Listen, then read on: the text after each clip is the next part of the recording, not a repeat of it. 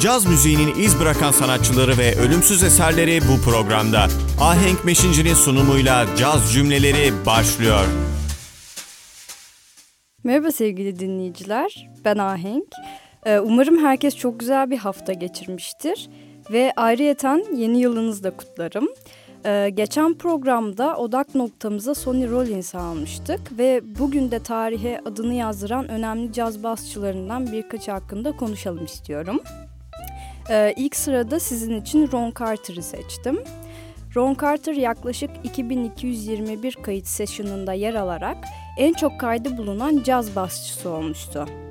Kendisinin 3 adet Grammy ödülü bulunmakta ve aynı zamanda cello ile yaptığı birçok kaydı da var.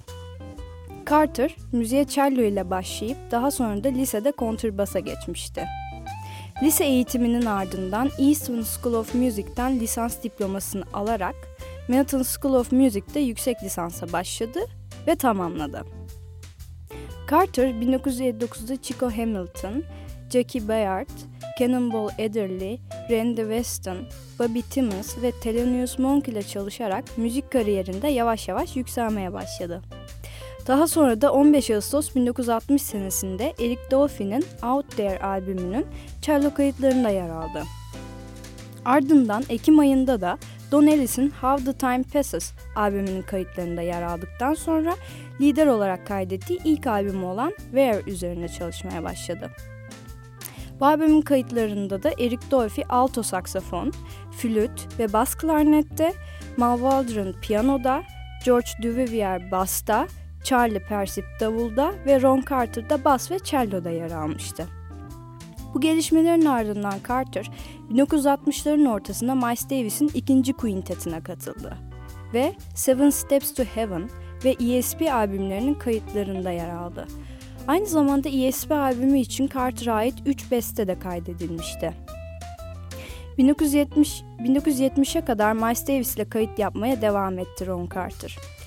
E, ayrıca Jazz Fusion yıllarında da elektrik bas çalmıştı. Fakat 2000'li yılların başında double basa tekrardan geri dönüş yapmıştı. Carter, Miles Davis'te çalıştıktan sonra CTI plak şirketinde kendi albümlerini kaydedip yayınlamaya başladı. 1970 ve 80'lerde işbirliği yaptığı sanatçılardan bazıları ise Joe Henderson, Houston Person, Hank Jones, Gabor Sabo ve Cedar Walton'dı. Carter 70'ler boyunca da New York Jazz Quartet'in bir üyesi olarak kalmıştı aynı zamanda. Ee, daha sonra 72'den itibaren kendi gruplarını yönetti. Ee, hatta gruplarında ikinci bir basçıya yer vererek zamanı ve ritmi takip etmeyi amaçladı. Ee, böylelikle sololarını daha özgür bir şekilde icra edebilmişti.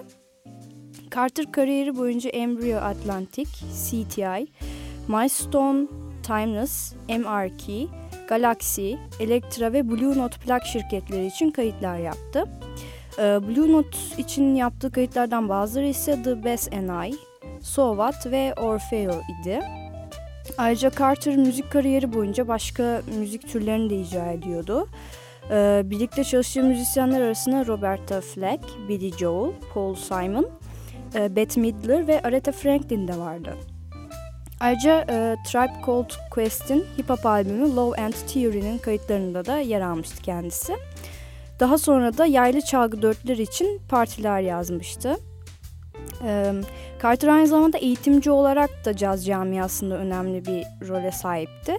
City College of New York müzik bölümünde yaklaşık 20 sene eğitmenlik yaptı ve 2005 senesinde Berklee College of Music'ten doktorasını aldı. Daha sonra 2008 senesinde Juilliard Müzik Okulu'nun jazz programında bas dersleri verdi. Şimdi bu bilgilerin ardından ilk kaydımız olan Blues for DP'yi dinleyeceğiz. Ee, bu beste Ron Carter'a ait ve 1997'de çıkışlı The Best and I albümünde yer almakta. Ee, bu kayıtta Ron Carter basta, Stephen Scott piyanoda, Louis Nash davulda ve Steve Kroon perküsyonda. Herkese iyi dinlemeler.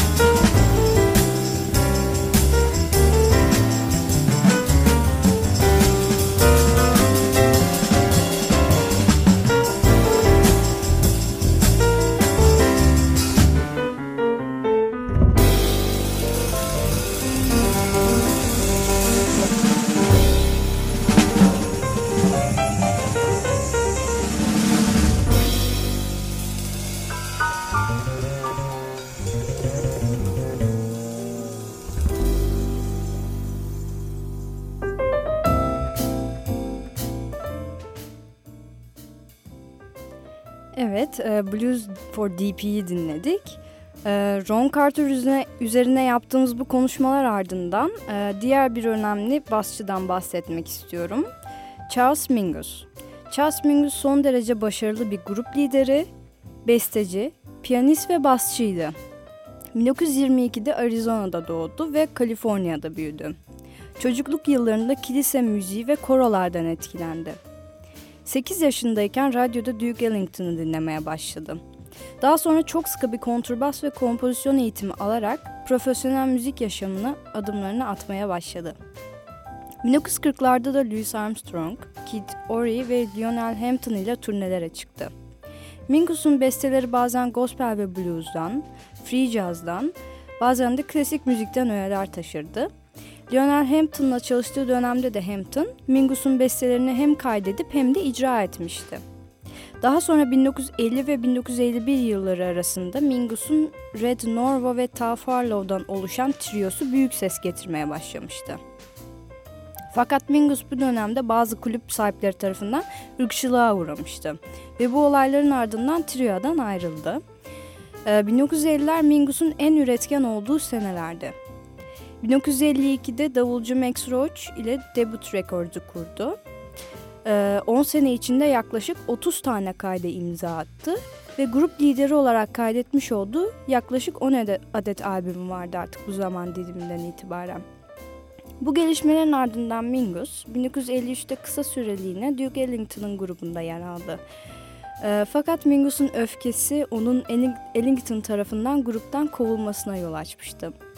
Sebebi de kuliste tromboncu Juan Tizol ile kavga etmesiydi. E, ayrıca Mingus'un 1950'lerde birlikte çalıştığı e, önemli müzisyenler arasında Charlie Parker da vardı. E, Mingus Parker'ın bestelerinden ve doğaçlama stilinden büyük ölçüde etkileniyordu. 5 Mayıs 1953'te e, Dizzy Gillespie, Charlie Parker, Bud Powell ve Max Roach ile birlikte Toronto'da e, Macy Hall adlı konser salonunda e, bir performans sergilediler. E, bu konserde Gillespie ve Parker'ın birlikte sahne alışının kaydedildiği son konser olarak da e, önemini koruyor. Mingus besteci ve grup lideri olarak asıl büyük çıkışını Pithecanthropus Erectus albümüyle yapmıştı. Bu albümün kayıtlarında Mingus'un yanında son derece maceracı müzisyenler vardı. Ee, piyanist Mal Waldron, alto saksafoncu Jackie McLean ve tenor saksafoncu J.R. Monteres. Ee, albümün adını taşıyan parçanın ise bir bölümü serbest doğaçlamalar içeriyordu. Ve yapı ve tema açısından da bağımsız olduğunu söyleyebiliriz. Bu albüm 10 yıllık bir süreç içerisinde kolektif doğaçlamanın gelişiminde oldukça önemli rol oynamıştı. 1959 senesinde e, Mingus ve onun caz atölyesinde yer alan müzisyenler e, Mingus'un bir sonraki ses getirecek albümü olan Mingus Aum'u kaydettiler. E, bu albümde Mingus'un başarısı gitgide büyüdü.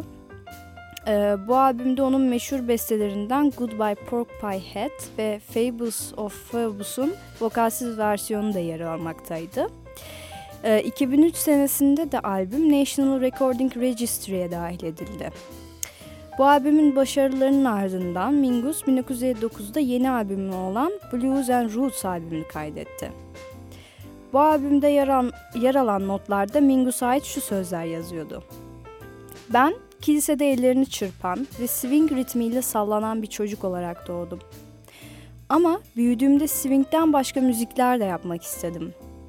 Bence blues swing'den daha fazla şey yapabilir. 1960 senesinde Mingus, e, Danny Rich Richmond, Ted Curson ve Eric Dolphy'den oluşan yeni bir kuartet kurdu. Ardından 1963'te de caz tarihinde bir bestecinin yaptığı en iyi orkestrasyonlardan biri olarak tanımlanan The Black Saint and the Sinner Lady albümünü yayınladı. Mingus bu albümde yer alması için psikoterapisti Dr. Edmund Pollock'tan da bazı sözler yazmasını istemişti. E, Mingus aynı sene tamamen improvize parçalardan oluşan eş, eşliksiz bir albüm olan Mingus Plays Piano'yu kaydetmişti. Ee, daha sonra Mingus'un temposu 1960'ların sonunda birazcık yavaşlamıştı. 1971'de Buffalo Üniversitesi'nde ve State University of New York'ta dersler vermeye başladı. 74'te yeni bir quintet kurarak e, büyük ses getiren iki albüm daha kaydetti. Changes One ve Changes Two. Daha sonra 1976 senesinde de yenilik arayışına girerek jazz fusion ve cumbia stillerini geleneksel jazz formlarıyla harmanladı. 1970'lerde ee, aynı zamanda sağlık sorunlarıyla baş etmek zorunda da kalmıştı ve bu yüzden enstrüman tekniğinde yavaş yavaş geriledi. Fakat ölümüne dek beste yapmaya devam etti ve besteci kimliğini korudu. Vefat etmeden önce Johnny Mitchell ile yeni bir albüm üzerine çalışmaktaydı. Wayne Shorter, Herbie Hancock ve Jaco Pastorius da bu albüme dahil olmuştu. Ee, Mingus 1979 senesinde de maalesef tedaviler sırasında hayatını kaybetti. Ee, fakat besteleri Mingus Big Band tarafından yorumlanıp icra edilmeye başlandı ve e, bu da onun caz dünyasında kalıcı izler bıraktığının bir kanıtı olmuştu. Ee, şimdi de onun anısına e, Mingus'un bestesi Self Portrait in Three Colors'ı dinleyeceğiz. Ee, hepinize iyi dinlemeler. Müzik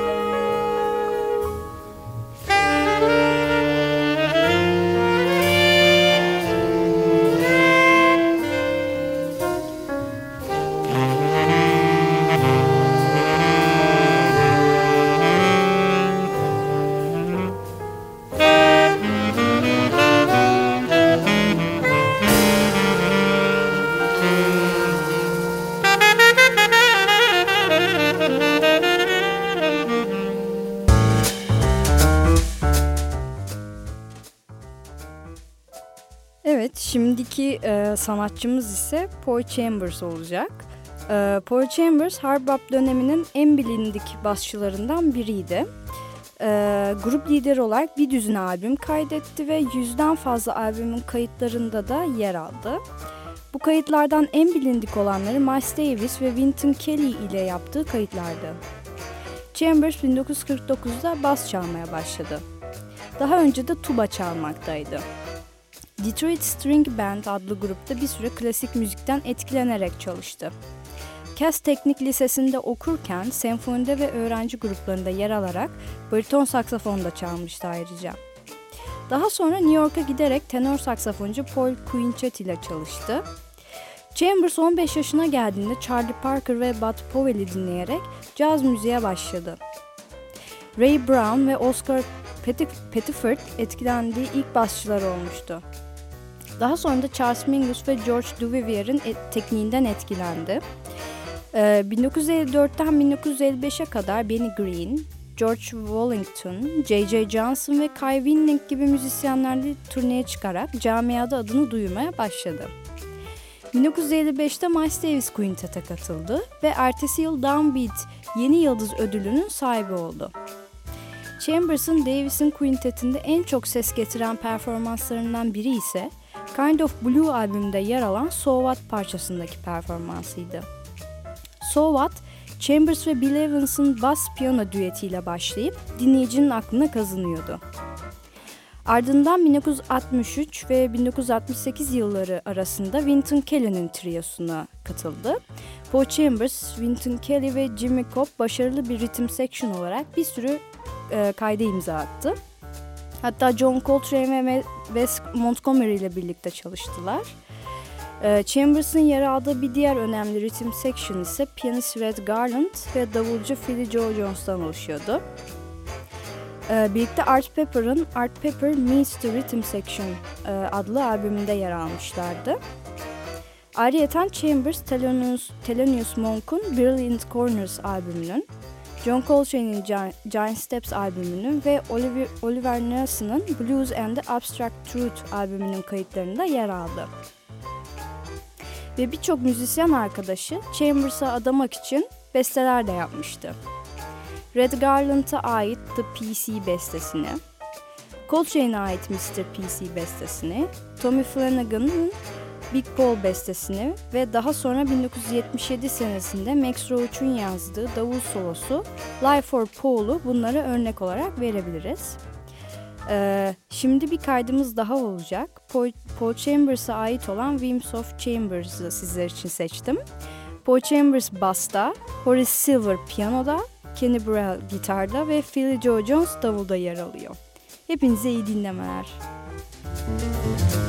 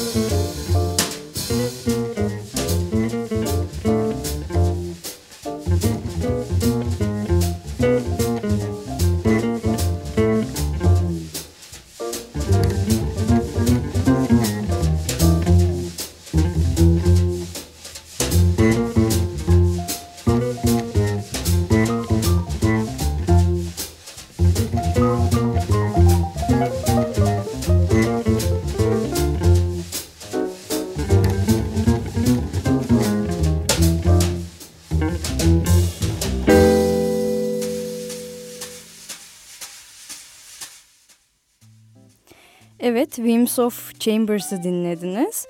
Ee, şimdi bahsedeceğimiz bir diğer değerli müzisyen ise caz gitar virtüözü olan Wes Montgomery'nin erkek kardeşlerinden basçı Monk Montgomery. Ondan da bahsedip yavaş yavaş programı sonlandırmak istiyorum. Ee, Monk müzisyen bir aileye sahip olarak oldukça şanslıydı. 16 yaşında hayatını kaybeden kardeşi Tommy davul çalıyordu. Kardeşi Erwene ise piyano çalıyordu. Monk da kardeşi Wes'e 11 yaşındayken bir tenor gitar hediye etti. Ve o da müzik yolculuğuna Monk sayesinde ilk adımlarını attı. En küçük kardeşleri olan Buddy ise piyano çalıyordu ve daha sonra vibra vibrafona geçti. Monk, Wes'in grubunun performanslarını dinledikten sonra bas çalmaya başlamıştı. Üç kardeş olarak The Montgomery Brothers adıyla birçok albüm kaydettiler. Ayrıca Buddy ve Monk ayrı bir grup kurarak The Master Sounds adıyla başka albüm kayıtlarına da imza attılar. Monk'un profesyonel kariyeri 30 yaşına kadar resmen başlamamıştı. Nihayet geceleri double basıyla giglere katılmaya başladı. Wes ise o dönemde yani 1948 ve 1950 seneleri arasında vibrafoncu Lionel, Hampton'la çalışıyordu. Ardından Monk da Hampton ile çalışmaya başlamıştı ve double bass yerine elektrik bass çalmakta kararlıydı. Ee, daha sonra Monk'un Art Farmer Septet ile olan kayıtları 1973'te Quincy Jones tarafından aranje edildi. Ve böylece Monk e, bir stüdyoda ilk defa elektrik bas çalan ve kaydı yapılan ilk müzisyen oldu. Daha sonra Monk 1964 ve 1965 seneleri arasında The Jazz Crusaders ile iki albüm kaydetti. 1966 ve 1970 seneleri arasında da vibrafoncu Carl e, Chader ile çalıştı. Ve ardından Las Vegas, Nevada, Nevada'ya taşındı ve burada 1972'ye kadar Red Norvo Trio ile birlikte çaldı. Monk 1969 ve 1974 arasında e, 4 tane stüdyo albüm kaydetmişti. E, 74'te ayrıca içinde Loveless Watkins'in de bulunduğu bir grupla Güney Afrika turnesine çıkmıştı. Ve son albümü olan Monk Montgomery in Africa Live'ı da bu zamanlarda kaydetti. Monk son yıllarında da Las Vegas Jazz Society'de oldukça aktifti ee, ve lokal bir radyoda radyo programı da yapmaya başlamıştı. Ayrıca bu dönemde bir caz festivali organize de etti. 1981 senesinde Western Federation for Jazz'ın kurucularından biri oldu. Ee, ve maalesef bir sene sonra Las Vegas'ta kanserden hayatını kaybetti. Şimdi onun anısına son kaydımız olan Montgomeryland Funk'ı dinleyeceğiz.